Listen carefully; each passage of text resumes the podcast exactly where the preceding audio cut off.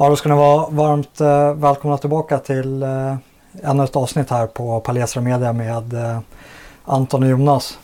Välkommen Jonas. Tack så mycket. Välkommen Anton. Kul att ha dig här. Ja, detsamma. Och eh, ja, BLM-hysterin har ju fortfarande inte riktigt släppt utan eh, vi, vi är uppe i en eh, våg utav eh, masspsykos som ska behandla allt ifrån eh, strukturell rasism som har historiska rötter varpå statyer ska rivas ner. Precis. Inte bara i eh, USA där BLM-rörelserna har sitt eh, ursprung utan eh, även i eh, Europa, England har det gjorts några liksom, faktiska nedrivningar och eh, det var glädjande att se att i Sverige att det var några unga starka pågar som gick ut och gjorde en demonstrativt försvar utav eh, Linnéstatyn. Ja, jag la upp det på Twitter faktiskt. Det, det, det är en riktigt bra grabbar i, i Stockholmstrakten som har ställt upp sig utanför, eller bredvid en, en Carl von Linné-staty och, och markerat att man står upp för, för vårt arv, vår historia, vårt folk Ja. i största allmänhet mot de här människorna. Och eh, ja, Twitter är också ett bra sätt att komma i kontakt med oss. Det är det enda bra sättet. Jag, jag svarar inte på några andra medier. Jag svarar aldrig på... Jag hatar att prata i telefon. Ibland får jag samtal från skumma nummer som jag inte känner igen. Jag svarar aldrig.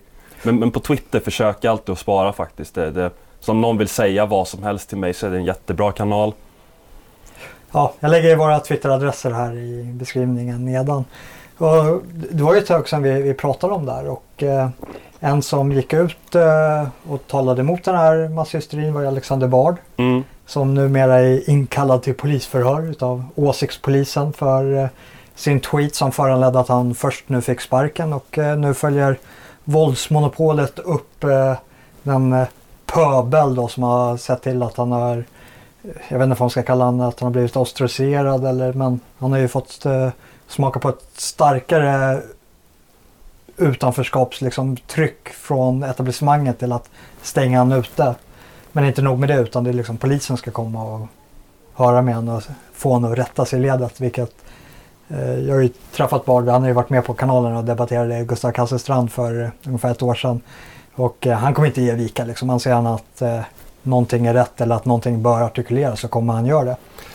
Alltså det jag gillar med Bad, att alltså, han är ju en han är ju en profil. Mm. Jag, vet, jag har ju fan vetat vem Bad varit i 20 år. För när jag var liten så, så brukade jag lyssna på Bodies Without Organs. Som är ett gammalt band där, där Bad var en av, en av frontfigurerna och låtskrivare tror jag också. Mm. Men det jag gillar med den mannen det är att han Det finns ju ingen plats för honom egentligen i svenskt medielandskap. Eh, liksom, eller i svensk offentlighet. För Bad är ju liksom, alltså bara kolla på honom. Killen är ju homosexuell hegelian liksom och libertarian som, som härjar.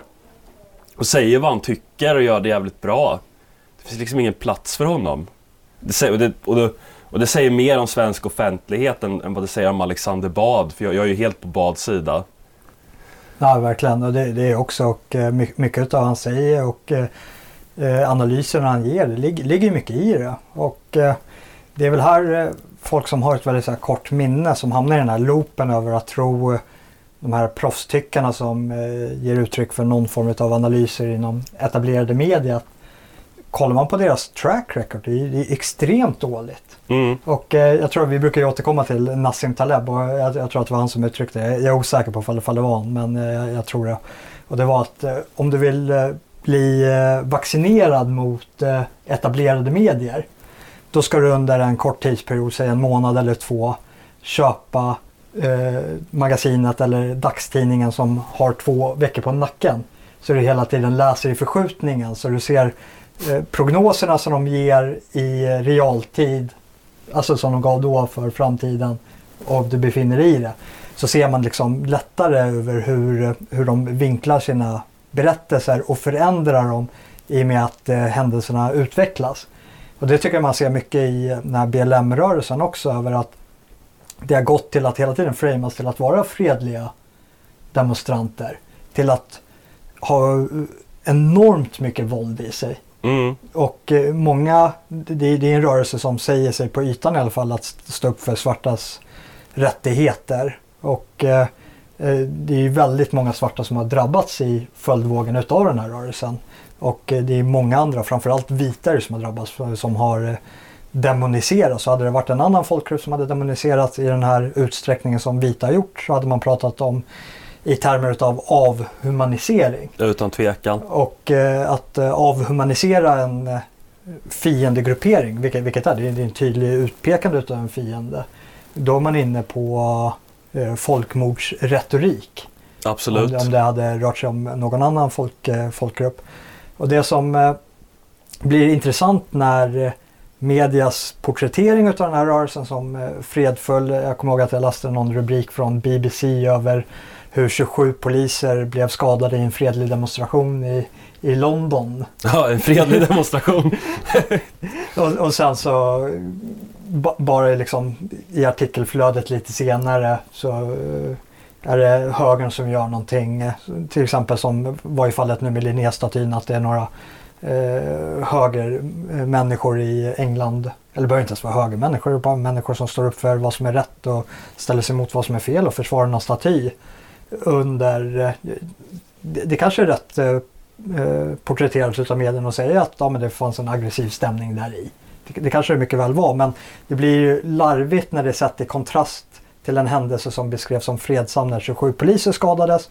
Och så kallar man det här för en aggressiv och våldsam samling när ingen polis skadas. Mm. Det blir eh, ett så väldigt påtagligt hyckleri.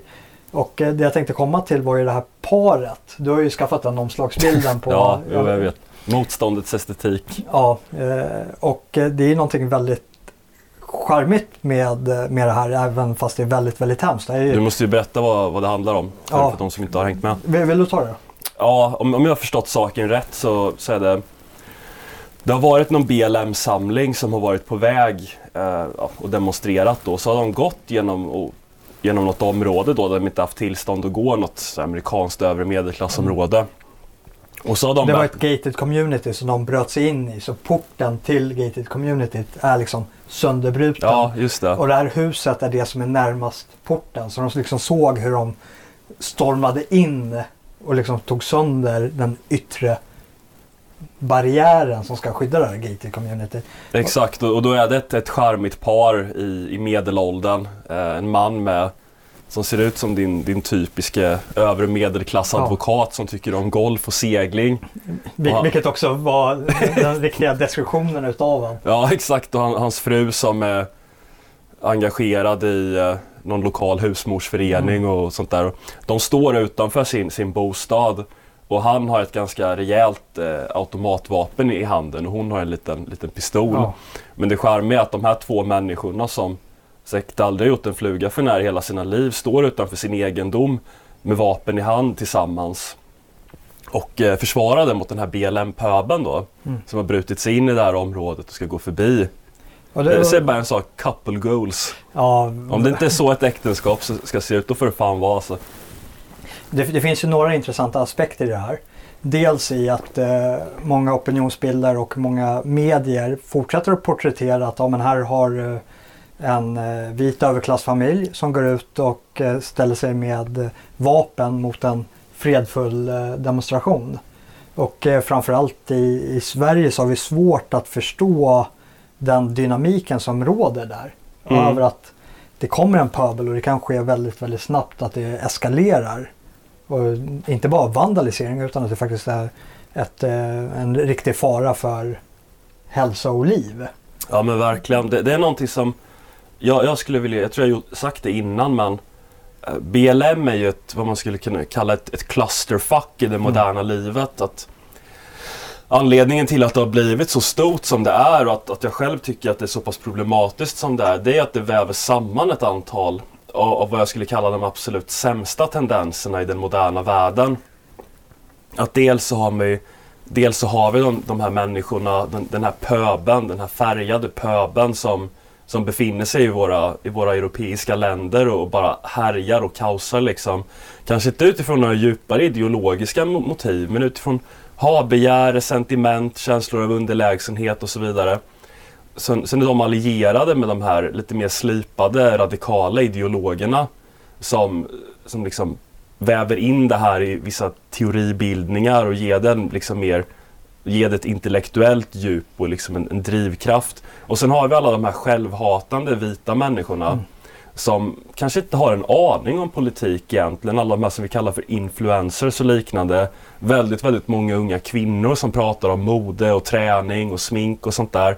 Som säkert aldrig har läst en bok i hela sina liv men som helt plötsligt ja, liksom per default nästan bara går med i det här därför att vi har ju pratat om den så kallade NPC-memen innan. Ja. Och det är ju människor som kanske inte riktigt har någon egen uppfattning egentligen utan bara per automatik hakar på det som var mainstream. Att om den här, den här personlighetstypen hade funnits i Tredje riket, då hade de ju gått med hakkorsbindlar utan att tänka på det. Ja. Hade de varit i Maos Kina, då hade de gått och läst Maos lilla röda utan att tänka på det. Och nu i Sverige, anno 2020, eh, så delar de svarta rutor för att ställa, ställa upp, visa stöd för BLM utan att tänka ja. på det. Så det, det är jättemycket av det här som kommer samman men det, det, finns en sak jag vill lägga till här som, som kanske inte nog kan betonas riktigt och det är att även om det är lätt att bara läsa det här som ett pöbelbeteende, man ser de här våldsamma människorna som skriker och skränar och det kanske verkar som att det inte finns något djupare till det och det kanske inte finns riktigt i sinnet på just de här människorna som är ute och kaosar och plundrar. Men det finns en väldigt lång och vidsträckt teoribildning bakom det här. Och det är det som kallas för postkolonialism. Och själva utgångspunkten för postkolonialism är ju att mycket av det som händer i den moderna världen, eh, exempelvis att det ofta går sämre för färgade människor och så vidare, eh, det är en direkt rekyl på europeisk kolonialism under 1800-talet. Att allt som händer är på något sätt bara en förlängning av de här händelserna som ägde rum för, för väldigt, väldigt länge sedan och på helt andra platser i världen. Och någonstans där så finns det, här, det finns en utgångspunkt här som blir en logisk konsekvens av den här teorin. Och det är att deras problem är orsakade av vita människor. Ja. Och det, det förtjänar att bara liksom poängteras gång på gång för jag vet att det blir liksom svårgreppbart och av goda skäl för det här är ju liksom ett, ett övergrepp på det sunda förnuftet. Men jag vet att många går och tänker att ja, men jag har aldrig varit elak mot någon svart person och jag försöker behandla alla lika. Det är inte så resonemanget går. Att du ingår i det här på grund av din grupptillhörighet. Det spelar ingen roll hur du har agerat i ditt privatliv. Att du är med, deras teoribildning placerar in dig i det här sammanhanget och pekar ut att du har en skuld i detta. Det finns liksom inget som dina personliga gärningar har att göra med det här. Jag tänker att vi kan gå in på det där med postkolonialismen och den här strukturella rasismen som de hänvisar till. Men eh, bara för att återknyta till det här paret. För mm. det, det du säger är en intressant poäng och eh, för er som har följt kanalen länge vet jag att vi har gjort mycket reportage från Sydafrika. Och eh, där finns det ju många vita liberaler och det var det här paret också. De, de är vita liberaler. Eh, han ställde upp på en eh, intervju på Tucker Carlson show och eh, pratar om hur han brukar hjälpa ja, men det, det svarta communityt och hur han i princip då stödjer i alla fall grundtanken utav BLM som de framar. Nu tror, inte jag, nu tror jag att det är ett falskt narrativ den här grundtanken att det, det handlar inte alls om eh, svartas rättigheter men det är ju deras framing över att de försöker få med sig hela liksom sitt politiska spektrum genom att förklara emot att om säger du emot oss som rörelse, om då säger du också att du inte tycker att svarta ska ha samma rätt i det amerikanska samhället som eh, vita ska ha. Eller på, på global nivå att du anser att det finns någon rashierarki där vi i liksom, koloniala termer ska fortsätta hålla, att, att det vita samhället är välfungerande på grund av att vi trycker ner svarta och vi skor oss på deras bekostnad. Mm. Men det är ju att den här pöben, när de kommer när de kom in i det här gated communityt. Och eh, nu lyckades ju de avvärja en hotfull situation och det är ju där det blir fel över att det här paret är ju i den här kontexten där BLM-rörelsen existerar. De vet att, och det där kommer fram då i Tucker Carlson-intervjun också, och det är ju det som han säger att han är ju orolig för sin familjs liv och sin, sitt hushåll. För att eh, den här pöbeln har ju slagit sönder hela stadskärnan och det är folk som har farit illa och människor har dött utav den här pöbeln. Mm. Men eh, porträtteringen utav det här pöbelväldet är ju att det är fredfulla demonstrationer. Och då blir det så här jättemärkligt för en svensk publik som bara följer svensk eh, medströmsmedia som köper att om det handlar om fredliga demonstrationer och sen så ser de ett vitt eh, heterosexuellt medelålders par gå och hämta automatkarbiner Mm. när den här Mm. fredliga demonstrationen kommer. Det sätter liksom en eh, skev bild i, i vad som föreligger. Ja, det blir en total motsättning. Ja. Det, det går ju inte att få ihop liksom om man bara har följt svensk media. Och eh, det är ju det också. Nu, nu eh, går inte det att använda i det här exemplet för att eh, de lyckades deeskalera det. Det blev ju inte mer än hotfullt. Och eh, det hade ju kunnat gå till dödlig utgång. Mm. Och i Sydafrika händer det ganska ofta med farmattacker mot eh, vita farmare. Och det kan vara vita farmare som röstade på ANC och stödde Nelson Mandela. Men pöbeln som kommer, de struntar ju fullständigt i ifall du är en vit liberal eller vit konservativ eller vad du har för politisk åskådning eller vad du har gjort tidigare i ditt liv. Utan de ser en vit familj som de anser har på kollektiv nivå orsakat oförrätter mot Eh, de själva på kollektiv nivå och eh, nu är de där för att åtgärda ett historiskt fel eller ett nutida fel. Precis, och det, det är det man kan, som jag... Jag kommer inte ihåg, eller jo, det gör jag. Jag undersökte faktiskt det. Det finns en eh, amerikansk skribent som heter Gregory Hood som har talat om eh, en kulakisering i USA av gruppen vita. Eh, och det handlar ju om att vill du förklara bara kulakisering? Ja, vi, vi har gått in på det tidigare. Jag, jag tänkte precis göra det. Det är så här att kulakerna var ju en grupp i Sovjetunionen av, eh, eller dåvarande Ryssland av, av självägande bönder. Och de, de var ju inga storkapitalister på något sätt utan det var ju bönder som hade sin egen egendom och sina egna, sina egna gårdar och hushåll. Och de blev ju utpekade då av den tillträdande Sovjetregimen som ett jätteproblem. Och deras eh, egendomar blev exproprierade av staten och eh, väldigt, väldigt många av dem blev, blev skickade till Sibirien till arbetsläger eller helt enkelt avrättade. Och det är ju det är, därför, det är därav kulakisering blir ett sånt användbart begrepp utan det handlar ju om utpekandet av en hel grupp människor. Den här, I det här fallet utifrån deras eh, klasstillhörighet som ett, eh, som ett problem. Men det innebär ju att det spelar ju ingen roll vad, vad de här människorna har gjort på en individuell nivå eller deras, sta, in, deras moraliska status och personlighetsegenskaper som individuell självägande bonde. Det spelar ju ingen roll i det här fallet. Utan där handlar ju om, en, eh, om ett utpekande utifrån klasstillhörighet som de här människorna inte kan råda över själva. Och, och, och det är ju så här att alla, alla regimer, alldeles oavsett hur, hur starka de är, måste begära förtroende. Jag, gillar att citera Herbert Tingsten, tyranniet begär förtroende. Eller om man ska vara mer allmän, makten begär alltid förtroende. Och du kan inte, det finns ingen regim som bara kan liksom ta tag i en stor, stor grupp människor i det samhället och expropriera deras egendom och i princip utrota dem på lösa boliner. Det, det händer inte utan det som sker är att man bygger upp ett, eh, ett moraliskt ramverk till varför det är rätt. Man måste rättfärdiga det på något sätt. Man måste få människor att gå med på att det här är rimligt. Och i, kula, i kulakernas fall så var det ju då att de var klassfiender. Eh, De företrädde en annan klassståndpunkt än vad, eh, eh, än vad sovjeterna gjorde och därför, och de var utsugare och därför var det rätt då att Mm. göra det här mot dem. Det var ingen som kunde, det fanns ingen anledning att invända moraliskt mot det. Eh, en liknande utveckling sker ju i, i, i så att säga talande stund mot vita människor i de här länderna. Att postkolonial teori utpekar oss kollektivt som ett problem. Det är vårt fel att det går väldigt, väldigt dåligt för de här människorna. Det är vi som bygger upp strukturella, rasistiska, opersonliga strukturer som håller de här människorna tillbaka, som orsakar väldigt mycket skada hos, för dem och så vidare. Och därför är det rätt att eh, ge sig på oss, att plundra våran egendom eller exempelvis att eh, avskaffa olika tecken på att vi finns. Jag menar, det, det är ju en ganska känd skribent som heter Bilan Osman som skriver för Expressen och som även jobbar på Expo. Och hon skrev ju någon Facebook-text då som senare återpublicerades på Expressen och där hon beskrev Sverige som vithetens högborg. Och eh, att, att det var dags att göra någonting åt det här. Jag menar, det är ju inte konstigt att, att Sverige är en vithetens högborg med tanke på att vi har varit ett homogent land i årtusenden. Det har inte varit en massa folkvandringar här till skillnad från andra grupper.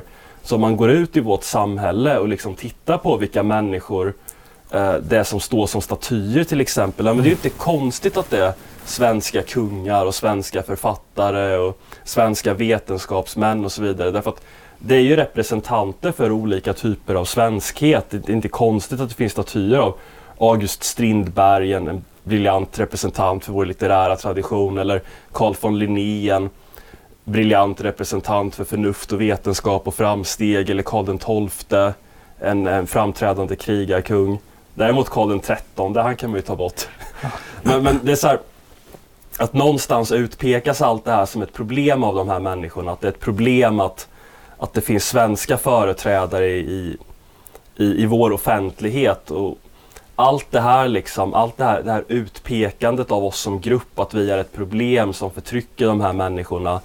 Det skapar ju ett rättfärdigande för dels då på en ganska primitiv nivå att, att skada oss, att, att ge sig på oss. Men också på ett lite mer abstrakt plan eller liksom mer samhälleligt plan att, uh, att plocka bort, bevisen för att vi finns här. Att vi mm. har satt våran påverkan på det här territoriet och det är det som blir så att säga drivkraften bakom att plocka bort representanter för svenskhet från det offentliga rummet.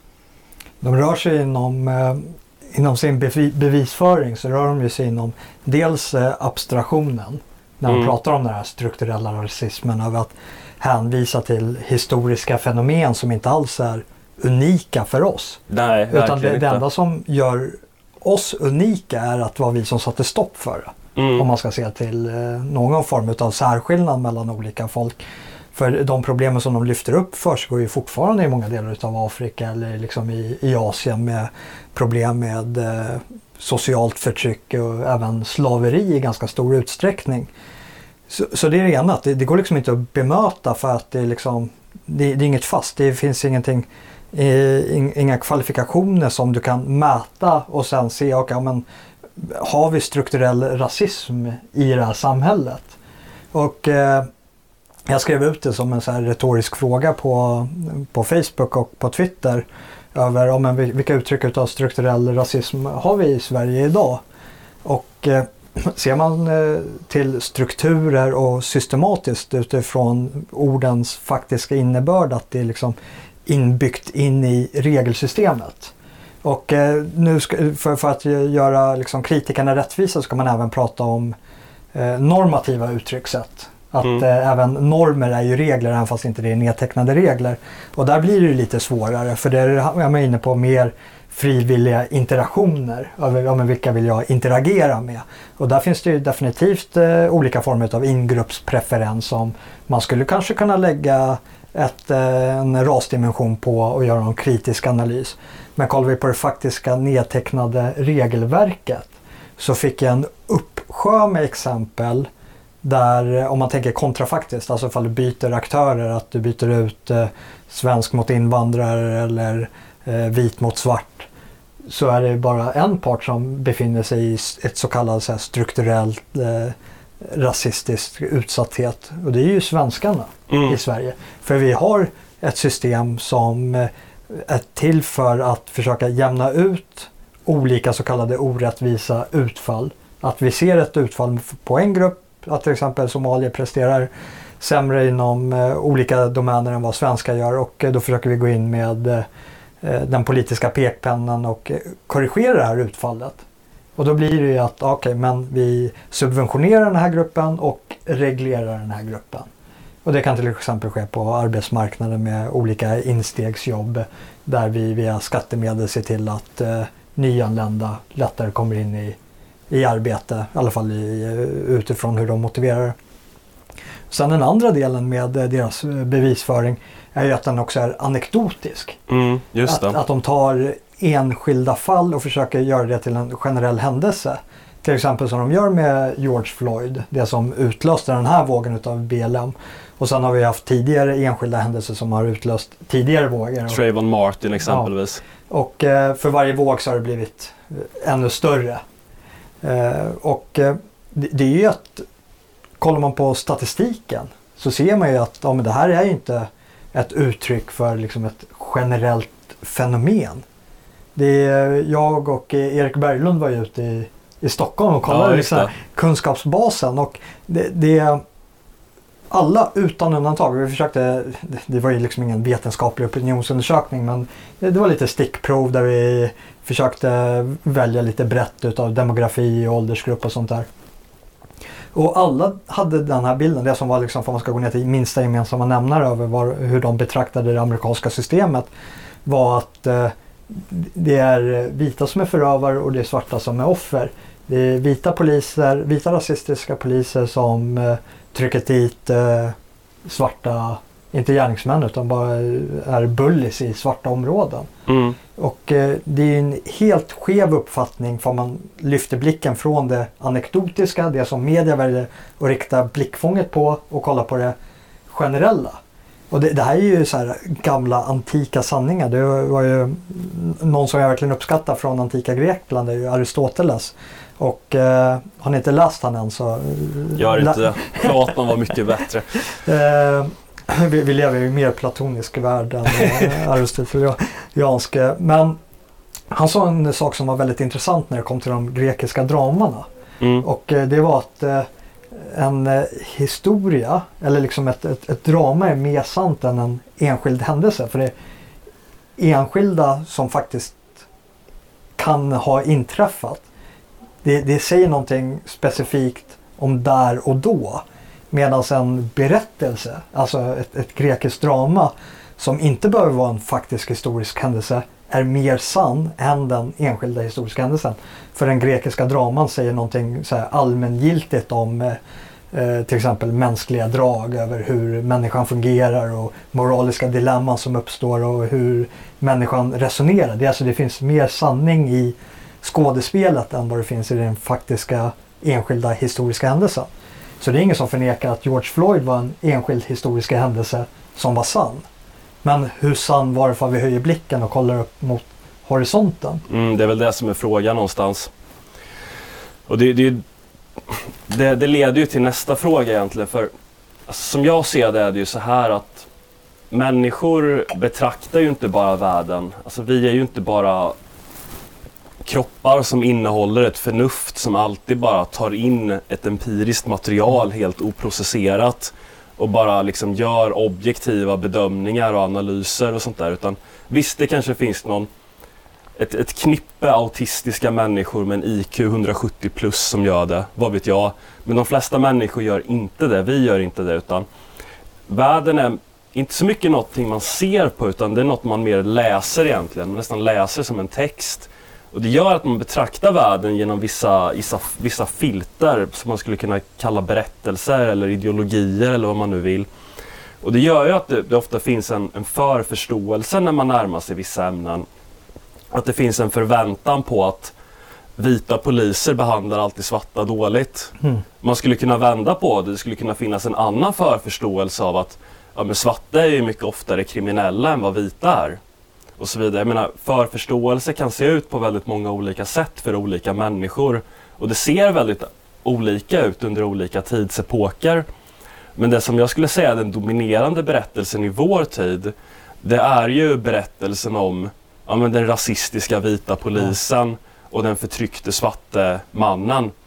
Och Det är inte bara polisen utan hela systemet. ja, ja men absolut hela systemet och så kanske med polisen som en representant för det här systemet.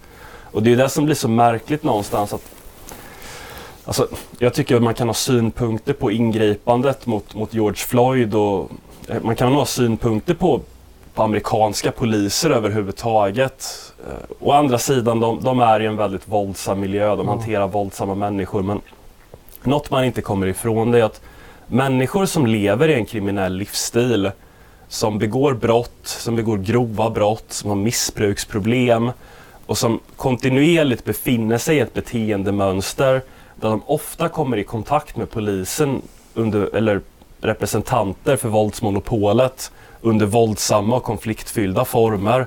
De löper alltid en risk av sådana här saker. De löper alltid en risk att ta skada eh, eller kanske i värsta fall till och med att dö. Men de löper i alla fall alltid en risk att ta skada.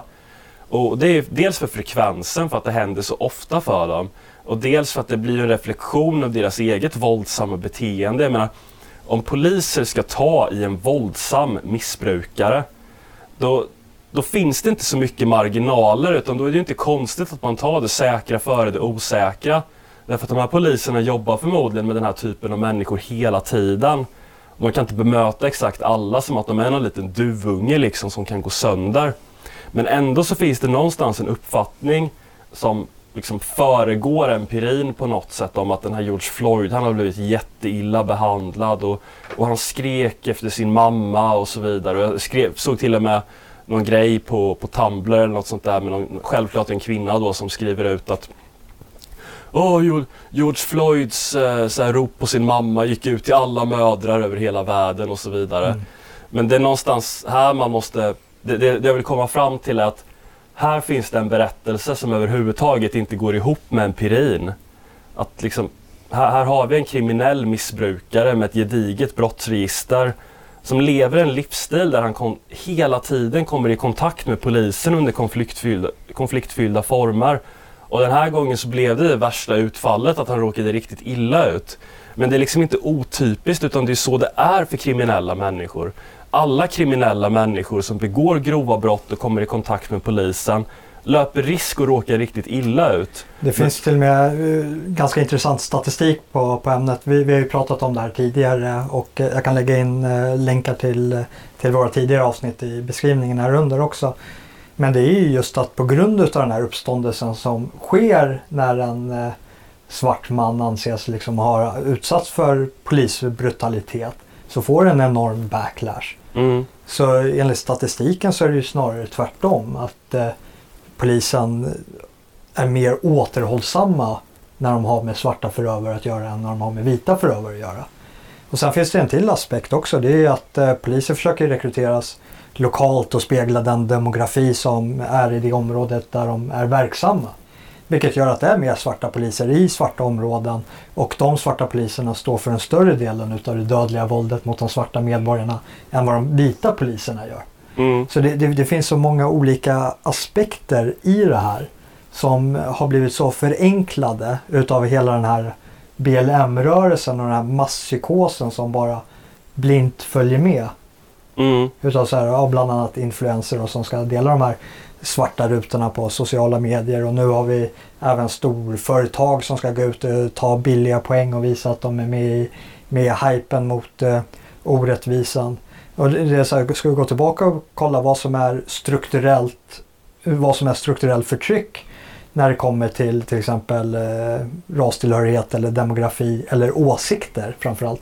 För jag tror att eh, den här rasismen som den här rörelsen pratar om i västerlandet att det är, det är en väderkvarn. Mm. Det är liksom, västerlänningar är, tror jag är det minst rasistiskt benägna folken i, i hela världen. Ja, alltså om man jämför. Ja, om man jämför med att vara utav Ifall du är en asiat och reser till något subsaharaland eller en vit som reser till ett subsaharaland. Om du, du kommer få uh, mer uh, rasistiska fördomar mot dig än fall de beger sig till eh, Europa. Absolut. Alltså det är så här att vita människor har ju överlag ett, ett tryck på sig här. Men jag, kommer, jag ska bara, det här, det här är också inom ramarna för anekdotisk bevisföring, men bara, låt mig bara berätta en grej. Jag var, var i Japan för, för sju år sedan i Tokyo och, och träffade en, eh, en så vanlig basic bitch japansk affärsman som jag, jag var där med Kristoffer Dullny faktiskt, som vi hängde med. Och då pratade vi lite med honom och då utforskade vi lite så kulturskillnader. Och så, den här killen heter Ken. Och så sa vi att, men, men, Ken, har du någonsin gått till, till en prostituerad? Han sa absolut. Mm. Det, var inget, det, var inte, det var inte skamfyllt på något sätt. Så här, bara, du, du har gjort det eller? Du, du har inga problem med att gå till prostituerade. Och den här killen var inte kriminell på något sätt. Han var liksom en vanlig japansk affärsman som hade ganska bra ställt och inte levde en kriminell livsstil i övrigt. Liksom. Men det var helt lugnt att gå till uh, till, till prostituerade i hans värld. Så frågade jag honom, men Ken skulle du någonsin gå och köpa sex av en japansk kvinna? Sa aldrig med hela mitt liv. Det vore ju förnedrande. Mm. Och, utan han, han, köpte av de här liksom, typ öflickor från Filippinerna och sådana här grejer. Och det är liksom någonstans... Oj, det ser ju inte ni, men världens största geting kom precis hit. Åh helvete. Fan, det ser ut som en liten fågel. Ja. Det är Bengt, vår eh, husgeting. Åh helvete. Så det var inget problem att köpa sex av öva flickor eller så här, alltså icke-japaner. Men, men det, var, det var en tydlig vi och dom-skillnad. Jag menar någonstans så i den här förförståelsen jag pratat om så, så går inte det här in. Nej. Det finns liksom inte. Det finns liksom inte att andra grupper än vita skulle kunna vara rasistiska utan det här är något som exklusivt riktas mot oss. Och man kommer in lite på det här med just strukturell rasism. Man menar på att det liksom är så ingrott i systemet också. När man tar alla de här eh, influenserna som delar de här svarta rutorna eller storföretagen som går ut och tar de här billiga godhetspoängen. Mm. Att det är ingen som helst kostnad för dem att gå ut och stödja den här vänstermarxistiska rörelsen BLM. Däremot att eh, opponera emot dem. Att eh, börja lyfta frågor kring eh, varför får vi ett olika utfall? Varför upplever vi att eh, svarta är överrepresenterade med polisbrutaliteten? Varför, ja men fall det är som du var inne på tidigare, att ja, men det beror på att eh, svarta som eh, gruppering är överrepresenterade i brottsligheten i sin helhet och därför interagerar mer med polisen på, i negativa termer och därför utsätts för procentuellt mer polisvåld än vad andra grupperingar gör. Och eh, om du börjar lyfta upp förklaringsmodeller till det här. Till exempel eh, att ja, men, utfallet beror på att ja, men, vi har olika förutsättningar, inte på grund av miljön vi befinner oss i, vilket definitivt har en stor faktor. Får man kolla på eh, svarta amerikaner med eh, singelmödrahushåll och allting. Och, eh, är det någonting som bidrar till fattigdom är ju att du inte har två inkomster i samma hushåll till exempel. Och samtidigt som du barn fostras upp utan fadersroll och så vidare. Alltså det finns mycket att ta där. Och sen så finns det andra aspekter i form utav eh, nedärvd essens för att ska använda det sverigedemokratiska språkbruket. Don't, don't talk to me about jag har växt upp med nedärvd essens, jag har sett nedärvd essens, Ja. jag hatar nedärvd essens. Men i alla fall om man, om man bara vidrör de här ämnena. Så blir du ju eh, dels socialt stigmatiserad utav etablissemanget. Om du säger och befinner dig på en arbetsplats så är det garanterat ett legitimt skäl för liksom att du ska få sparken. Det finns ingen som kommer backa dig i, i samhället i det. Och eh, ser vi på deplattformeringen på de olika sociala medieplattformarna över vilka det är som censureras så är det ju aktörer som lyfter upp andra förklaringsmodeller till utfallet, till det olika utfallet än att det västerländska systemet är ingrott rasistiskt. Det var Mm. ju bara nu i veckan så eh, försvann ju Stefan Molyneux eh, med eh, närmare en miljon prenumeranter på Youtube. Mm. Troligtvis på grund av att han har pratat mycket om ras och IQ på sin kanal. Jared Taylor med Amran försvann också från Youtube med, jag vet inte han hade 100 000 prenumeranter eller någonting. Och han har ju också pratat mycket om, eh, om de här frågorna om varför vi får olika utfall mellan olika grupperingar. Mm. Och sen så var det några till som eh, försvann. Det är ju liksom kritiker, vad de menar på skulle då vara typ talespersoner för den här systematiska rasismen som svarta utsätts för. Om det är de systemet tystar. Mm. Det blir sånt eh, otroligt dubbelspråk. Och där ligger ju vi, eh, vi som eh, typ en Sverigevänlig kanal. Vi ligger ju också i eh, någon form av riskzon för vi är i opposition mot det, det rådande liksom globalistiska systemet eller liksom den globalistiska ordningen som vi är på väg emot. Absolut. Och, så så det, det, det är någonting att ta med sig över att ja, men, om den här systematiska rasismen stämmer, ja, men, hela systemet håller ju den här rörelsen bakom ryggen. Absolut. Och kritiker till rörelsen, det är de som systemet slår ner på väldigt, väldigt hårt. Eh, och eh, med det, för att vi ska ta det som avslutande ord, så skulle jag vilja, verkligen mana till er som följer alternativa mediekanaler på de här etablerade sociala medieplattformarna att också se till att eh, följa dem på an, via andra kanaler om det är så att den här stora censurhammaren kommer och slår till de kanaler ni följer. Och eh, oss på Palestra Media kan ni följa på Telegram, på Spreaker som eh, i podcastvariant fall ni inte vill se oss utan bara lyssna till oss. Och sen så finns vi på NonTube också tillsammans med SwebTV, Ingrid Maria och eh, Jeff Ahl. Varav Ingrid och Maria och Jeff Ahl också har blivit eh, bortplockade från eh, Youtube. Och eh, sen så finns vi på den eh, nya typ Youtube-liknande plattformen eh, Library. Mm, Och sen fanns ju vi på Twitter också om ni vill Absolut. komma i direktkontakt med oss. precis. Eh, Jag knappt vill tipsa mitt Twitterkonto. Jag har varit jättelåg nivå från min sida den senaste tiden. Men jag, men jag håller på att shapea upp så ni får gärna följa mig. Om ni vill något får ni gärna skriva till mig på Twitter också. Och eh, vill ni bidra till eh, fortsatt produktion här på Palestra Media så är det oerhört tacksamt. Absolut. Jag spillde precis vin på min tröja, så bara en sån sak. Kemtvätt, märk, eh, märk swishen med kemtvätt eller Anton. Märk swishen med Chianti Classico. På återseende. Tack så mycket för att ni lyssnade.